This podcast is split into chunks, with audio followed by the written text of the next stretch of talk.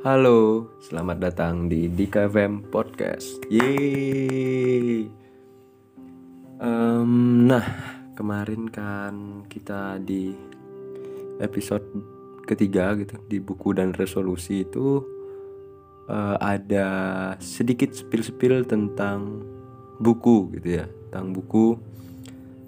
Habis itu aku kayaknya kepikiran untuk membahas sebuah buku yang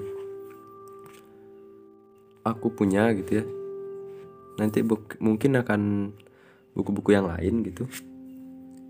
Dan kita mulai aja dengan buku dari sebuah band yang aku suka.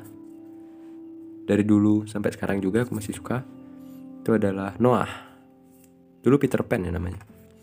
Dengan judul buku 6903 mil cerita di balik konser dua benua dan lima negara. Oke, yay. Nah, kenapa aku bahas buku ini? Pertama, sebelum masuk ke bukunya ya, ini tuh kayak jadi ini tuh kayak apa namanya spoiler spoiler kayak di YouTube gitu loh kayak di YouTube kan ada spoiler spoiler tentang film. Nah, aku bakalan spoiler spoiler tapi dengan hal yang berbeda bukan film karena ini audio ya jadi kayaknya kalau film nggak bisa dilihat juga nggak enak buat kalian dengerin jadi ini tentang buku aja deh buku yang bisa kalian dengerin ceritanya dari punyaku gitu ya dari podcastku. Nah ini adalah buku terfavorit buat aku untuk saat ini ya. Mungkin nanti ada lagi.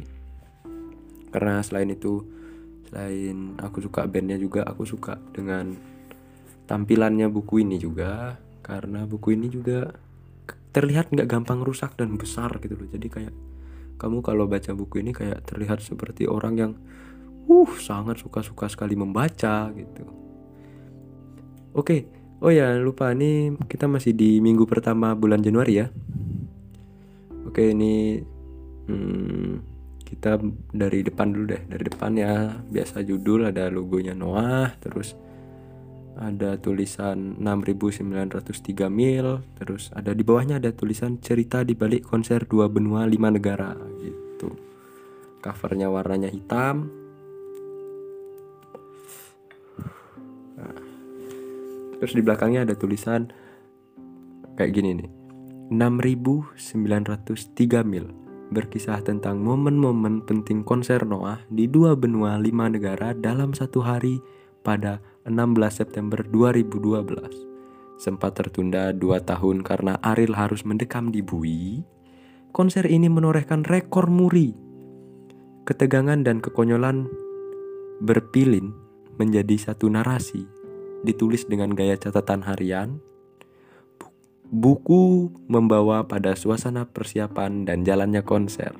Ketidakpastian izin Ariel karena masih berstatus bebas bersyarat rumitnya mengurus visa di Australia, David yang mesti rajin minum obat, dan Ariel yang menolak memotong lagu di tengah konser adalah sebagian dari ilustrasi.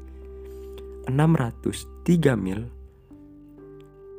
mendendahkan semangat, keyakinan, dan kerja keras personil Noah dalam meraih mimpi.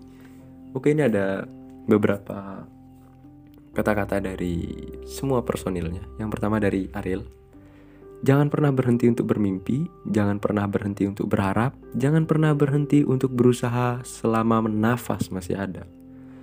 Yang terjadi hari ini, rekor ini tercipta bukan untuk kami, melainkan untuk sahabat semua. Iya, sahabat Noah. Eh, Jadi kalau kalian yang nggak punya bukunya, kalian bisa cari tuh. Tapi kalau kalian pengen dengerin ini juga bisa. Oke, untuk personil selanjutnya ya. Personil selanjutnya adalah Uki sebagai gitaris yang sekarang sudah tidak bersama Noah lagi. Dia ngomong kayak gini. Ini masih di belakang ya, masih di cover belakang. Sukses konser di Jakarta merupakan bukti bagi suara-suara yang menyatakan Noah tidak bisa mengulang kesuksesan Peter Pan. Saya percaya bahwa jika Noah punya kepercayaan diri dan kami bisa melakukan lebih dari yang pernah dicapai Peter Pan. Uki ini optimis banget karena sebelum itu sebelum eh, konser ini terjadi gitu Noah sempat diremehkan karena ya Ariel pertama masuk penjara dengan kasus yang seperti kalian sudah tahu sebelumnya. Kayaknya aku nggak perlu ngasih tahu lagi deh kasusnya apa gitu ya. Terus sama juga aduh sama banyak-banyak nama juga belum pasti karena namanya dicabut gitu. Nanti dalam buku ini juga dijelaskan kok. Terus juga karena personilnya juga sudah berganti gitu ya yang dari dulu ada Ariel terus Uki, Lukman, Reza, terus sama keyboardisnya ada Andi, Andika sama basisnya Indra. Nah, sekarang sudah berganti ini untuk lanjut ke personilnya lagi ya.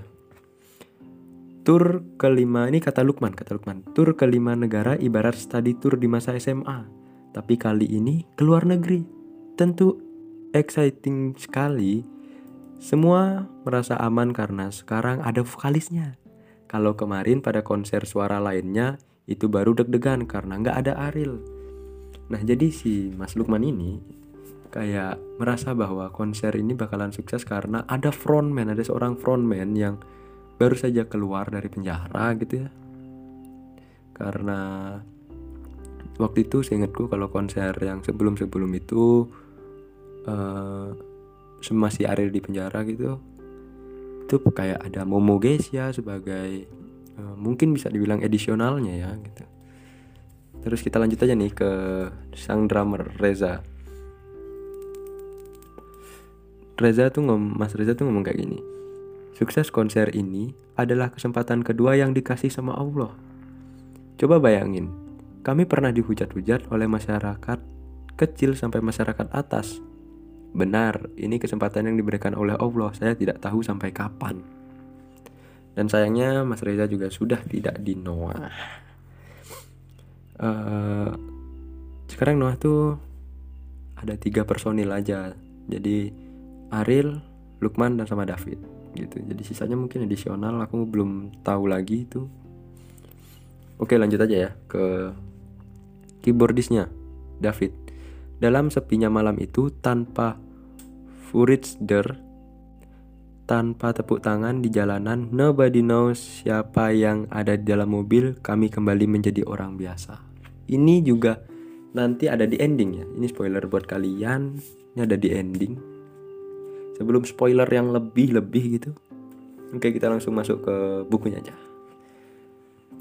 Di depan, di cover depan itu ada beberapa contoh nama yang bakalan dibeli eh dibeli diberikan untuk band ini.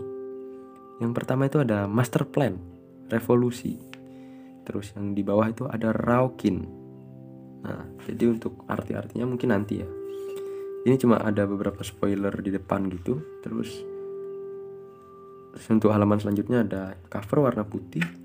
Terus ada foto Ariel gitu sama jadi ini yang fokusnya ke Ariel ya ini penontonnya banyak banget gila crowdnya juga gede uh, crowdnya juga bagus banget gitu ya terus di depan ada setelah halaman selanjutnya ini ada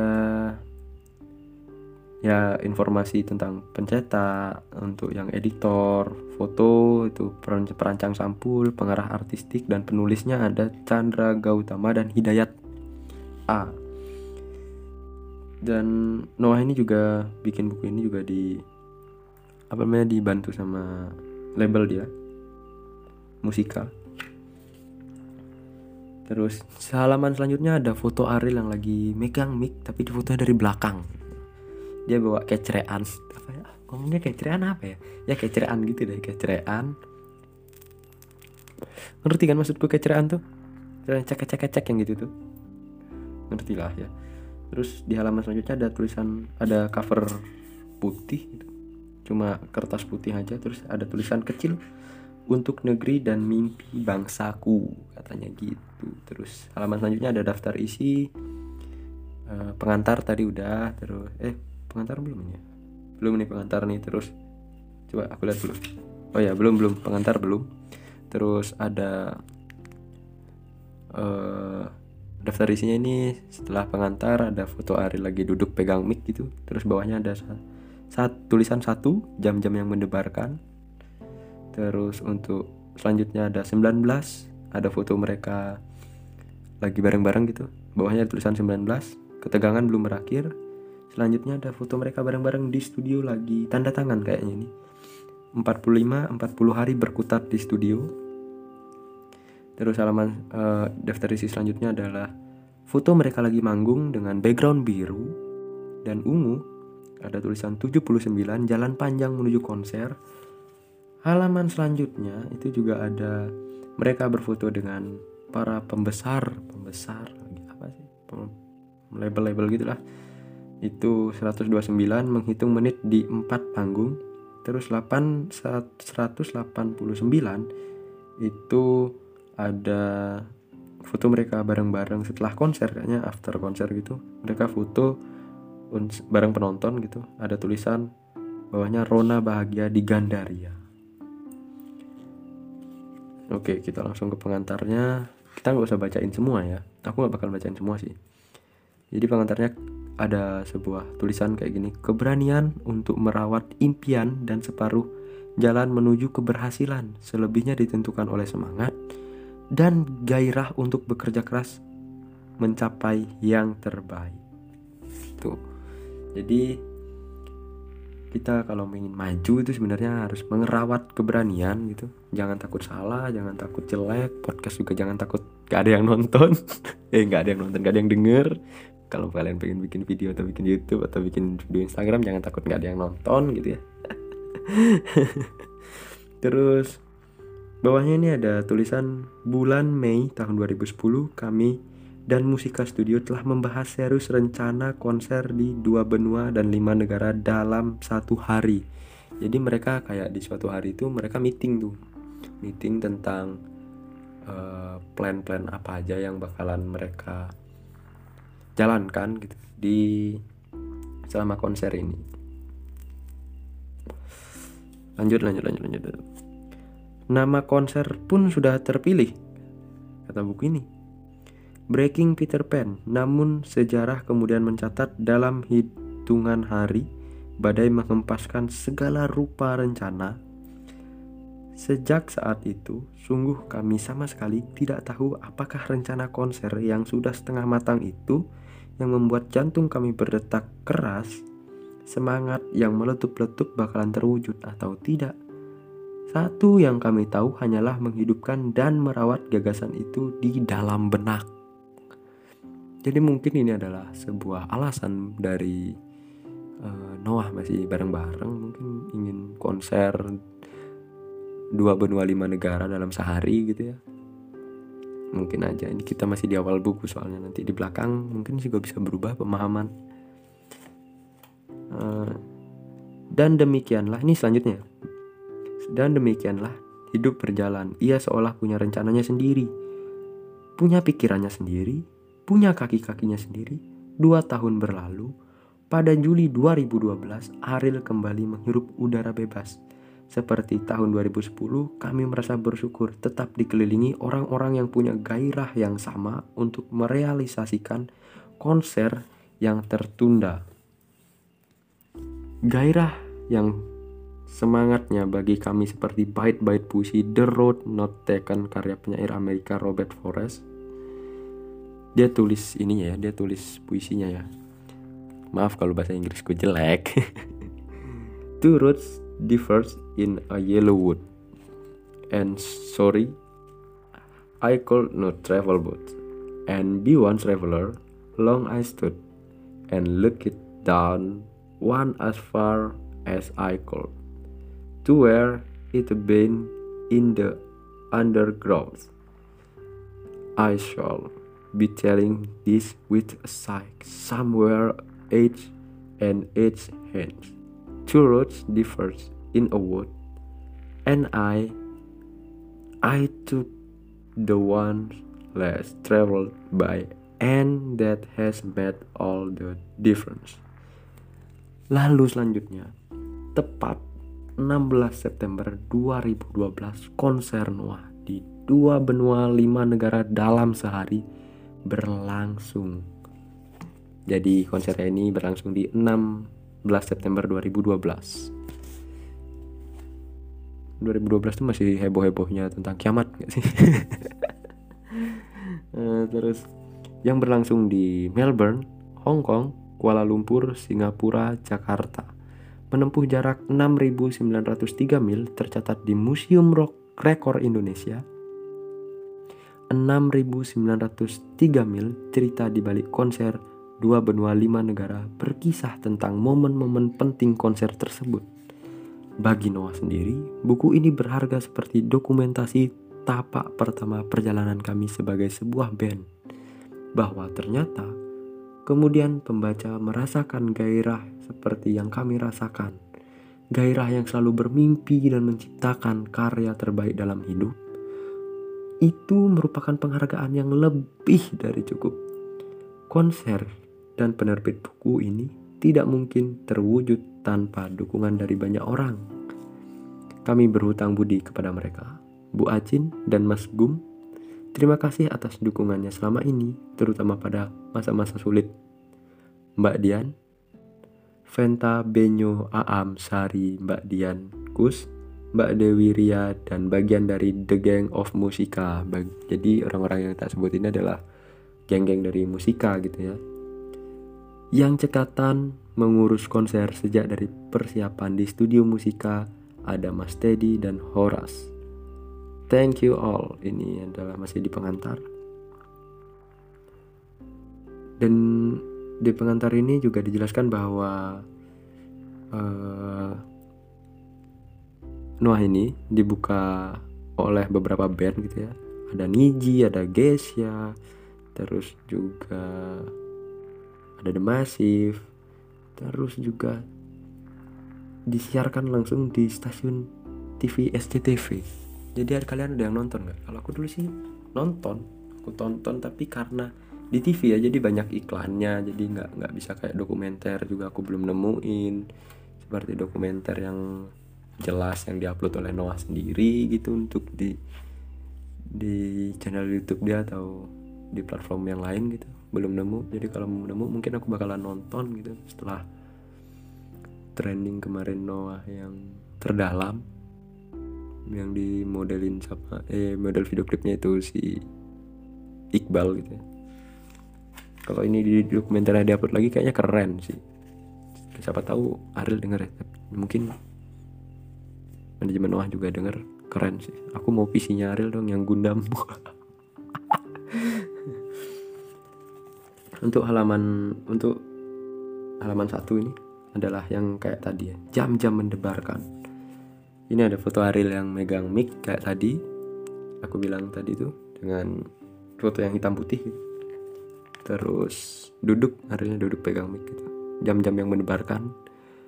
The Hall Senayan City, Selasa 11 September 2012, jam sudah menunjukkan pukul 15 lebih 5 waktu Indonesia Barat. Sejumlah penjaga keamanan mulai melakukan screening di ruang konferensi pers peluncuran album perdana Noah yang judulnya seperti seharusnya. Kalian punya nggak? Atau kalian udah dengerin belum? Kalau kalian malas download Spotify, eh tapi nggak mungkin deh malas download Spotify kan kalian dengerin podcastku di Spotify. Ada kok di Spotify. Uh, yang akan di ini langsung selanjutnya ya. Anjing agak gugup yang akan ditandai dengan menggelar konser di dua benua lima negara dalam sehari pada 16 September 2012 sementara kru SCTV yang akan menyiarkan langsung acara tersebut tepat pukul 16.00 hampir rampung menyiapkan berbagai peralatan. Selanjutnya di tengah kesibukan itu satu orang terli terlihat tegang. Bolak-balik dia berjalan antara panggung dan tempat duduk wartawan Senyumnya seolah tercuri dari wajahnya yang putih kemerahan. Tanda si pemilik tubuh tinggi besar itu sehat. Kepada orang yang coba mengajaknya bicara, dia ogah-ogahan. Dialah Gumilang Ramadan, direktur dari Musika Studio. Di satu pojokan, tak jauh dari panggung konferensi pers, duduk Indrawati Wijaya, direktur Musika Studios lainnya Meski ketegangan tak bisa disembunyikan dari wajahnya, Bu Acin, demikian dia akrab dipanggil, tetap menyambut ramah orang-orang yang menyapa. Senyum menghiasi wajahnya yang masih kencang dan licin bagai ikan salmon untuk seusianya. Berarti kira-kira ibu ini tuh udah lumayan tua tapi ya mukanya masih terawat gitu. Mungkin pakai skincare juga. Dua petinggi musika itu tegang karena surat izin Ariel ke luar negeri belum lagi ditandatangani. Surat rekomendasi dari menteri halaman selanjutnya dari Menteri Hukum dan HAM yang menjadi dasar dikeluarkan izin Dirjen Perma Permasyarakatan belum ada kepastian kapan terbit. Tanpa izin tersebut, Noah tidak bisa mengumumkan rencananya menggelar konser di dua benua lima negara dalam sehari. Pada 16 September 2012, menjelang pukul 16.00 waktu Indonesia Barat tentunya, Gumilang masih sibuk ber-BBM. Nah, 2012 ini masih zaman-zamannya BBM tuh. Belum belum ada yang namanya WhatsApp gitu belum ada. Mungkin BBM dan SMS ya SMS lalu telepon. Selanjutnya orang yang dia ajak berkomunikasi itu adalah Pia Akbar Nasution putri Adnan Buyung Nasution tahu kalian dia adalah seorang uh, apa ya? Orang yang seorang aduh ngomongnya seorang pengacara. Aduh susah banget lagi ngomong seorang pengacara. Dia adalah seorang pengacara gitu Adnan Bima Nasution gitu. ini tapi dia Noah dan timnya gitu lagi menghubungi anaknya dari law law firm firma hukumnya si Adnan Buyung Nasution dan Adnan Buyung Nasution ini juga ditunjuk oleh Musika Studio untuk membantu mengurus izin Ariel dengan status bebas bersyarat sejak 23 Juli 2012. Ariel tidak bisa keluar negeri tanpa izin tanpa izin khusus. Jadi memang harus ada izin khusus karena Ariel juga masih bebas bersyarat kalau nggak salah dia karena dibebaskan lebih cepat karena dia berkelakuan baik di dalam penjara. Gitu. Jadi ini ada tulisan yang dikuningin gitu ditandain kuning gitu. Dia sebentar lagi live on air nih. Gimana udah bisa tulis gumilang dalam BBM belum gum. Tunggu dulu. Pak Menteri masih ada tamu. Jawab Pia. Masih ada kendala untuk yang jam 16.00 itu untuk konferensi pers tapi jam 15 05 masih harus menunggu izin gitu ya. Lanjut di, di ruangan lain, para personil Noah, Ariel, Uki, Lukman, Reza, dan David tengah melayani beberapa wawancara sebelum acara konferensi pers dimulai. Wajah mereka tetap cerah meski semalam latihan hingga pukul 24.00 berarti jam 12 untuk mempersiapkan tur di dua benua lima negara tersebut. Ya, Personil Noah memang tidak dilibatkan dalam pengurusan berbagai dokumen untuk tur mereka. Hanya dua hal yang harus mereka kerjakan dengan baik, berlatih dan menjaga fisik. Karena itu ketika ditanya soal izin, Ariel hanya menjawab, nggak tahu. Semoga sudah ada titik terang hari ini. Pementasan menjadi perhatian utama Noah. Karena praktis, dua tahun mereka tidak manggung. Untuk manggung lengkap ya uh, yang saya rasakan belum enak itu vokalnya Ariel. Ada perubahan besar dia lagi mengingat-ingat teknik vokal di tiap lagu. Dulu nyanyinya gimana ya? Karena tiap lagu tekniknya berbeda di album baru Noah. Ariel banyak melakukan eksplorasi karena ada Oke, di halaman selanjutnya ini ada foto lah saat dia masih konferensi pers sebelum kita baca lagi selanjutnya. Ini kita lanjut. karena ada beberapa lagu ciptaan David yang lagunya berbeda. Ariel paling nyaman membawakan lagu dia sendiri. Tapi ini band kan? Gak boleh begitu, ujar Uki. Sudah, jalan saja dulu. Ini tulisan yang ditebalkan warna hitam. Waktu mendekati pukul 16.00. Karena belum lagi ada kabar dari Pia, Gumilang memutuskan the show must go on. Sudah jalan saja dulu konferensi pers, kata dia tegang. Berarti memang konferensi persnya dijalankan aja dulu walaupun belum ada surat atau izin yang keluar dari Pak Menteri Hukum dan HAM. Ya, sebat dulu guys. Ya ngomong-ngomong kalian kalau pengen pinjam bukunya kalian bisa ngomong ke aku untuk yang di sekitaran dekatku gitu supaya aku masih bisa ngontrol ya.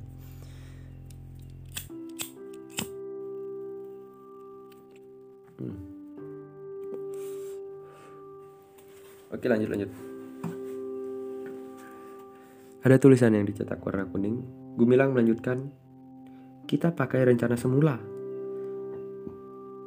Jika rekomendasi menteri tetap belum keluar sore ini, No hanya akan mengumumkan rencana konser tanggal 16 September di Jakarta dan tur selanjutnya di 12 kota. Jadi Noah ini secara nggak langsung karena suratnya juga belum keluar karena dikarenakan ya tadi aku bilang itu Ariel masih bebas bersyarat. Ada opsi lain untuk menggelar konser di Jakarta dan tur lanjutannya di 12 kota lainnya di seluruh Indonesia ya jelas. Oke lanjut. Dalam ketegangan itu, tiba-tiba Reza bertanya kepada Benny. Benyo, Baharata Kartika Hadi, Head of Artist Management Musika Studios. Si Reza bertanya nih, masih ada waktu untuk sholat dulu? Masih masih aman kalau kalian mau sholat dulu, jawab Benyu. Bergegas Reza, Uki, dan Lukman bergantian mengambil air wudhu dan melanjutkan sholat asar berjamaah. Lukman orang yang dituakan bertindak sebagai imam. Kebayang ya, kebayang ya.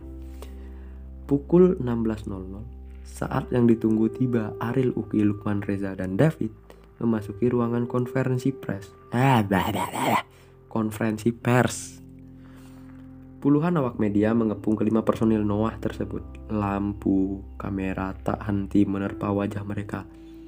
Baiklah, untuk pertama kalinya, band papan atas yang banyak memberikan konser kon... Wah, ulang, ulang, ulang, ulang. Baiklah, banyak mulangnya. Baiklah, untuk pertama kalinya, band papan atas yang banyak memberikan kontribusi di belantika musik Indonesia akan tampil eksklusif di Stop pers semua tentang Noah.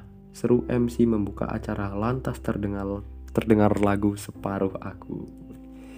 Kalau kalian tahu lagu Separuh Aku ini dulu jadi chart nomor satunya di dahsyat di inbox di tahun 2012 itu juga kalau kalian beli kaset PS di 2012 gitu ya aku dulu beli kaset PS gitu lagunya yang terdengar adalah lagu separuh aku gitu biasa tuh kan kalau PS PS2 gitu ada lagunya gitu. PS3 juga masih kok sampai sekarang. Ada lagunya gitu. Tuh terdengar biasanya lagu-lagu gitu loh. Dan ini terdengar baru mereka masuk itu terdengar lagu separuh aku yang menjadi gong atau menjadi lagu single favorit mereka. Lalu separuh aku ini saya tangkap dari pengalaman teman saya yang mengalami masa-masa sulit. Kadang dalam hidup kita tidak bisa ikut campur kehidupan orang yang orang lain terlalu banyak. Tapi kita bisa ikut merasakannya karena kami bersahabat sudah lama. Jadilah saya ikut merasakan apa yang dirasakan teman saya. Lagu ini tercipta di tahun 2009. Musik kami kerjakan bersama-sama. Cerita David setelah separuh aku dinyanyikan Ariel dengan manis. Mantap. Berarti memang persahabatan ada rasa yang kuat untuk mereka temenan gitu ya sampai si David ini bisa menciptakan lagu yang berdasarkan kisah temannya. Siapa ya temannya? Masa nanya? Lanjut dulu aja ya. Ariel menambahkan proses lagu David itu memang lumayan lama. Pertama kali dia menawarkan dari menawarkan diri secara bergerilya. Dia kasih dengar kepada saya Memang pada saat itu kami sedang mengumpulkan materi. Cuman dua kali dengar kayaknya lumayan bagus lantas saya bicara sama produser, kayaknya perlu dicoba. Aransemennya diubah juga liriknya dan temponya. Jadi ada beberapa bagian lirik lagu itu yang belum bagus. Tadinya saya sendiri yang mau coba menulis liriknya, cuma pikir dipikir-pikir kayaknya agak sayang ya. Maksudnya sayang itu biar David sendiri yang merampungkannya biar total saya cuma bilang coba David ubah bagian di sini. Akhirnya dia ubah sendiri. Prosesnya lumayan lama hingga akhirnya jadi yang pasti lagu itu sudah berubah dari awal. Jadi lagu separuh aku ini memang bukan sekali cipta gitu ya. Jadi ada koreksi-koreksi dari Ariel sendiri sebagai vokalis gitu yang awalnya ingin bahwa lagu ini tuh di dia yang nulis liriknya di beberapa bagian di beberapa di beberapa part gitu. Tapi nggak jadi karena dia ngerasa sayang aja.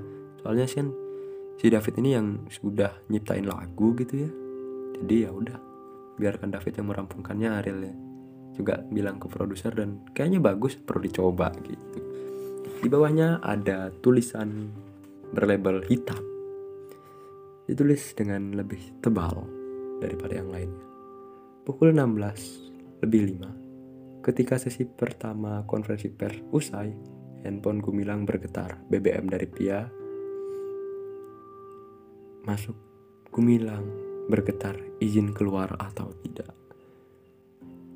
Bawahnya ternyata kabar gembira disposisi dan Menteri Hukum dan HAM Amir Samsudin keluar Gum, oke, okay, declare aja. Udah oke, okay, tulis via. Fan, akhirnya keluar Fan, teriak Gumilang via telepon kepada Dian Venta Lesmana. Venta adalah Head of Publishing Division Musika Studios. Dia diminta secara khusus oleh Gumilang untuk mengurus perizinan Aril karena bergelar sarjana hukum. Venta mengenang, sa mengenang saat itu. Saat dikasih tahu Pak Gumilang, disposisi menteri keluar wah beban berat di pundak seolah sirna muka ini kayaknya nggak bisa nggak senyum. Senyum senyum terus. Beban sudah ringan karena target saya surat itu sudah keluar. Waktu itu saya sudah diwanti-wanti. Fan ini mesti jadi tanpa izin nggak akan kejadian semua ini. Jadi saya diberi kepercayaan yang sangat-sangat besar untuk merealisasikan konser ini.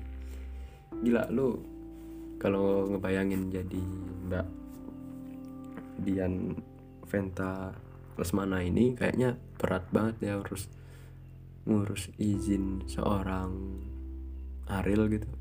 Dari band yang besar Noah gitu untuk keluar negeri dan kalau izinnya nggak keluar bandnya nggak jadi manggung. Oke lanjut lanjut. Lalu ada tulisan berlabel kuning. Beberapa, beberapa saat setelah mendapatkan kabar baik tersebut, Gumilang maju ke panggung dan membisikkan kepada Aril. Announce sudah, ujar Gumilang. Lalu saya bicara apa nih mas? Saya sudah bicara soal konser di lima negara. Seolah sudah tahu apa yang dibisikkan Gumilang kepada Aril, kontan senyum terkembang di wajah Uki, Lukman, Reza, dan David. Gumilang lalu menghampiri tim SCTV menyampaikan kabar konser. Dua benua, lima negara sudah bisa diumumkan. Pertanyaan-pertanyaan MC di sesi kedua sudah boleh diarahkan pada rencana konser. Demikianlah skenario pertama langsung dipakai. Dino Hamid, CEO Berlian Entertainment, dan Bu Acin kemudian bergabung dengan Noah di panggung. Noah akan launching album di dua benua lima negara dalam sehari. Melbourne, Hong Kong, Malaysia, Singapura, dan Jakarta menjadi tujuan tur lima negara ini. Demikian Bu Acin mengumumkannya. Usai konferensi pers, Bu Acin tak anti mengucapkan kata syukur berlinang air mata setiap kali menjawab pertanyaan wartawan. Lega, senang, bahagia, belum bisa bicara. Dari semalam sudah wiritan sudah berdoa terus, terima kasih Tuhan, ini awal yang indah. Dan manis untuk ke depan. Jadi kenapa aku banyak buka lembaran? Karena ada banyak foto-foto yang setelah tulisan tadi nanggung gitu, kepotong itu ada banyak foto-foto yang dipampang di buku ini. Ada foto lagi konferensi pers gitu. Terus ada foto lagi manggung di konferensi pers terus ada foto Ariel pegang mic dan sampingnya ada tulisan yang sambungannya. Terus terang saya punya feeling, punya keyakinan bahwa semua aman-aman saja. Karena kami punya niat baik dan sesuai jalur, semua persyaratan sudah dijalankan. Ariel sendiri terus saja tertawa girang. Ya, lega, soalnya tiket konser di Singapura sudah kejual juga di negara lain. Info konser lima negara ini rupanya sudah bocor. Orang kasih jadwal sembarangan, kacau kalau nggak jadi. Akhirnya, tadi di tengah pers conference, izin mulai muncul. Lega ya, Dino Hamid. Tidak kalah bahagianya kala sore itu. Ini proyek lore jelimet lagi. Oke. Ini proyek lo roller coaster. Serba menegangkan. Ini sebuah perjuangan. Awalnya belum siap kami umumkan karena berhubungan dengan masalah perizinan. Harapannya kalau kita berhasil, semua ini tidak hanya di Indonesia, tapi juga di dunia. Semua sesuai rencana, tinggal berangkat. Proyek roller coaster yang dikatakan Dino ada benarnya. Sehari sebelum konferensi pers, 10 September pagi, dia menelpon Dian Nurfianti, International Marketing Manager Musika Studios. Dino, Dino punya deadline untuk menyewa jet pribadi yang akan dipakai terbang di keempat negara. Dian, as a friend, Menurut kamu kita dapat visa nggak untuk Ariel pergi ke luar negeri? Kenapa Dino?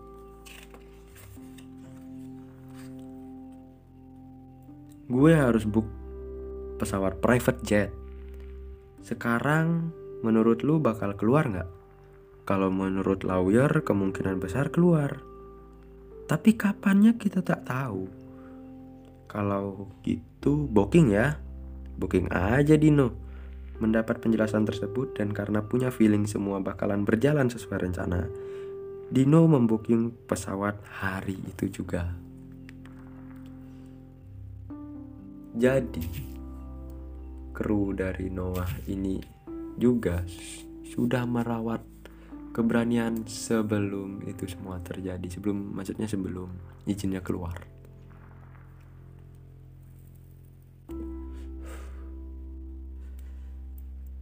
ada tulisan berlabel hitam di bawahnya dan di atas itu pada layout ini, pada layout ini ada tulis ada foto Ariel sedang berdoa dengan kawan-kawan ingin memotong nasi tumpeng. Tulisan berlabel hitam itu berkata, "Hey, nggak mau dicium ya? Pukul 17.30." Seusai acara konferensi pers, para personil Noah turun dari panggung dan berpindah ke ruang lainnya. Suasana gembira menyelimuti mereka. Lukman dan Reza yang dikenal pendiam dan cool. Petang itu terus menyunggingkan senyum tiap kali disapa atau diberi selamat. Di ruangan tersebut, tim musika tengah asik mengobrol. Tak lama kemudian muncul Bu Acin. Dia teriak, "Ayo, ayo, semua pada berkumpul. Boril, Uki, David, mana Lukman dan Reza? Boril adalah panggilan akrab untuk Aril. Kayaknya kalian udah tahu sih ya. Semua mata mencari sosok gitaris dan drummer Noah tersebut. Lukman, Reza, oi, teriak Aril. Mendengar teriakan Aril, dengan tergopoh-gopoh kedua personil tersebut menuju ke tengah ruangan. Rupanya mereka sedang merokok di toilet. Petang itu Bu Acin memimpin syukuran kecil menjelang konser tanggal 16 September. Di atas meja sudah tersaji kue tart berbentuk tumpeng. Hari ini kita resmi mengumumkan rencana konser di dua benua lima negara. Sebagai tanda syukur dan semoga semua berjalan baik, mari kita berdoa bersama, ujar Bu Acin. Sesuai suasana berubah jadi hening. Semua yang hadir larut dalam doa. Sekarang kita potong tumpengnya kata Bu Acin. Dengan cekatan dia memotong tumpeng dan menyerahkan potongan pertama itu kepada Ariel sebagai frontman sambil mencium kedua pipinya. Jadi kita tahu bahwa jadi dari sini kita tahu bahwa Bu Acin ini adalah orang yang berpengaruh di musika dan berpengaruh juga untuk keberlangsungan konser di lima benua eh lima benua dua benua lima negara lanjut ada tulisan bercetak tebal berwarna kuning satu persatu personil Noah mendapat potongan tumpeng dan dicium kedua pipinya. Tepat giliran Uki. Begitu menerima potongan tumpeng langsung saja dia ngeloyor pergi. Hei, nggak mau dicium ya? Awas ya, kata Bu Acin. Semua yang hadir tertawa, mungkin karena merasa bersalah, Uki balik lagi dan merelakan kedua pipinya dicium Bu Acin. Ruangan kembali penuh tawa. Ariel duduk berselonjor di sofa. Di hadapannya berdiri David yang tengah asik memainkan Blackberry-nya. Kemudian datang Bu Acin menghampiri. David, bagaimana kesehatanmu? Tanya Bu Acin. Baik Bu. Siap ya kalau pergi, kalau perlu kamu suntik va, suntik vitamin. Saran Bu Acin. Ah, dia tuh bandel Bu, masih aja suka ngerokok. Ariel menimpali. Jangan memprovokasi gitu dong Bor ujar David dengan muka kemerahan. Petang itu ketegangan menunggu di posisi Menteri Hukum dan HAM sudah reda, namun itu hanya sesaat, hanya sesaat. Untuk selanjutnya kayaknya di episode selanjutnya deh ya. Karena di episode ini udah 40 menit nih. Mungkin ada di antara kalian yang udah ketiduran atau udah bosen kali atau udah berniat untuk mematikan podcast ini. Jadi sedikit spoiler di episode selanjutnya adalah ketegangan belum berakhir. Halaman 19 seperti tepat di daftar isi tadi. Keluarnya di posisi Menteri Hukum dan HAM Amir Syamsuddin tanggal 11 September 2012 tidak otomatis menjadikan persiapan konser Noah di dua benua lima negara berjalan mulus jalan berliku dan menegangkan masih berlanjut. Berarti harus ada beberapa persyaratan yang harus dilengkapi oleh Ariel sebagai orang yang harus memiliki surat ini. Surat yang dikeluarkan oleh Menteri Hukum dan HAM. Jadi untuk episode ini segini dulu deh ya. Kalau kalian suka dengar podcast ini beri rating kalau kalian merasa kurang, silahkan beri rating dan juga kalian bisa ngirim voice uh, menanggapi cerita ini gitu. Menanggapi uh, buku ini di Anchor kalian bisa kirim voice ke aku, kalian bisa DM DM di DKFM77 di Instagram tentunya untuk memberikan masukan-masukan lainnya. Gitu ya.